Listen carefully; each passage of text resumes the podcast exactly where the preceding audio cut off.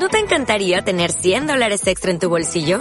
Haz que un experto bilingüe de TurboTax declare tus impuestos para el 31 de marzo y obtén 100 dólares de vuelta al instante. Porque no importa cuáles hayan sido tus logros del año pasado, TurboTax hace que cuenten. Obtén 100 dólares de vuelta y tus impuestos con 100% de precisión. Solo con Intuit TurboTax. Debes declarar para el 31 de marzo. Crédito solo aplicable al costo de la presentación federal con TurboTax Full Service. Oferta sujeta a cambios o cancelación en cualquier momento.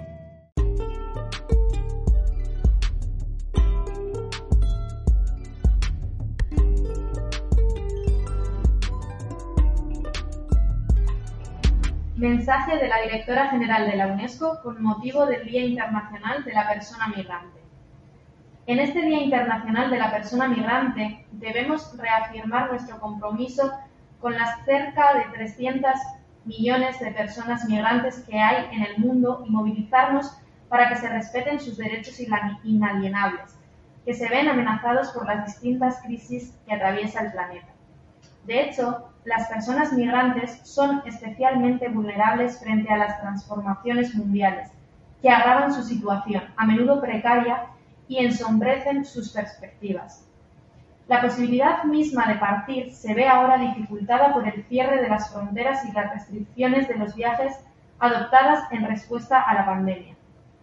La necesidad de frenar la circulación del virus no debe poner en peligro el acceso a una vida que se espera mejor. Al mismo tiempo, los factores que impulsan la migración forzosa van en aumento, debido al incremento de los conflictos y la inseguridad en muchas regiones en 2021. A ello se suma la inseguridad alimentaria creciente y los efectos cada vez mayores de la emergencia climática que sufren cada vez más personas. Al leer en un informe publicado el pasado mes de noviembre por el Alto Comisionado de las Naciones Unidas para los Refugiados, que el número de desplazamientos forzados se ha duplicado en 10 años, nos damos cuenta de lo urgente que es actuar para proteger a esas poblaciones vulnerables. En particular, se ha de garantizar su inclusión en las sociedades de acogida. Ello incluye la lucha contra el racismo y la discriminación que a menudo padecen esas personas. Tras el llamamiento mundial contra el racismo realizado por los Estados miembros en diciembre de 2020, la UNESCO está preparando una nueva estrategia para intensificar su acción en este ámbito. Ello también implica la educación. En nuestro informe Migración, Desplazamientos y Educación, Construyendo Puentes, no Muros, publicado en 2019, se recuerda la importancia de nuestra movilización para garantizar que los niños y niñas en tránsito tengan acceso a una educación de calidad ya que suele ser el primer paso hacia otros horizontes más estables.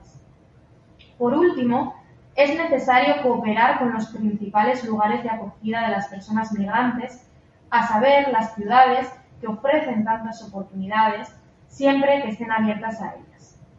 Con, este, con ese fin, trabajamos con nuestros asociados de la Coalición Internacional de Ciudades Inclusivas y Sostenibles para facilitar el asentamiento y la inclusión de las personas migrantes.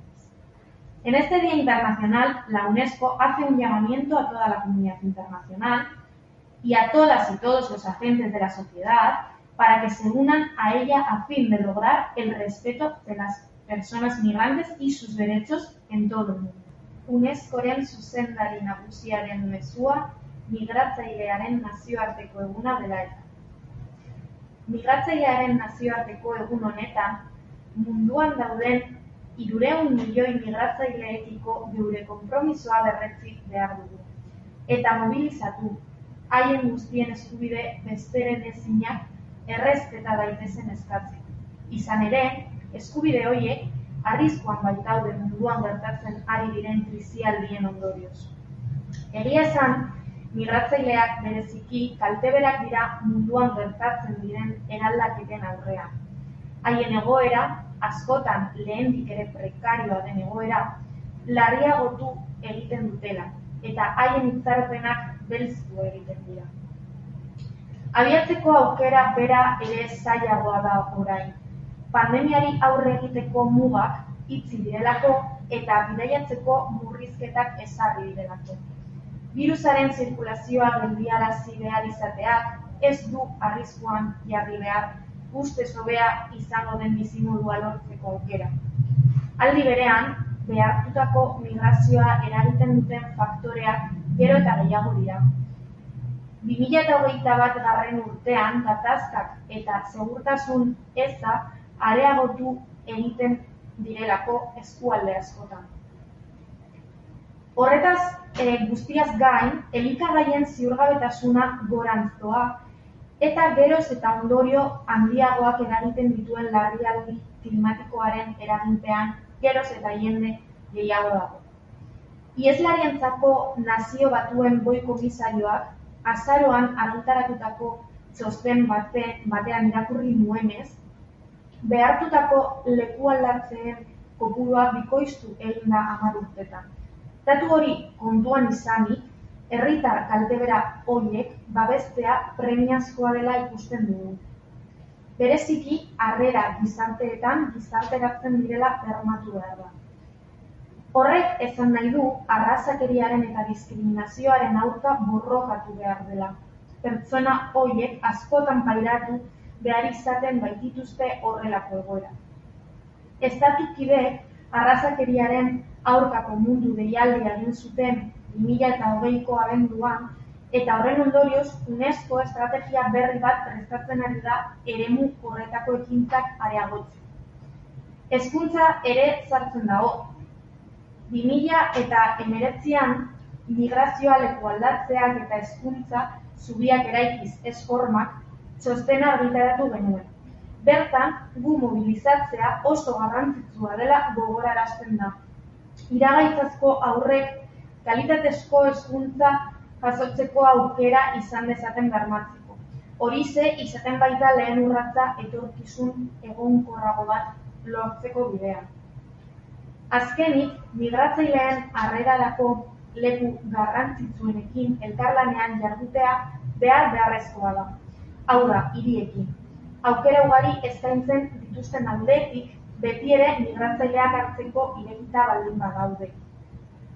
Hori lortzearren, hiri inklusibo eta jasangarrien nazioarteko koalizioko gure bazkideekin lanean ari gara, migratzaileak egonkortu eta gizarteratu daitezen ahalbidetzeko. Nazioarteko egun honetan, UNESCO elkarlanean jarduteko eskatzen die nazioarteko komunitate osoari eta gizarteko eragile guztiei, migratzaileak eta haien eskubideen mundu guztian errespetatu daitezen lortze aldera.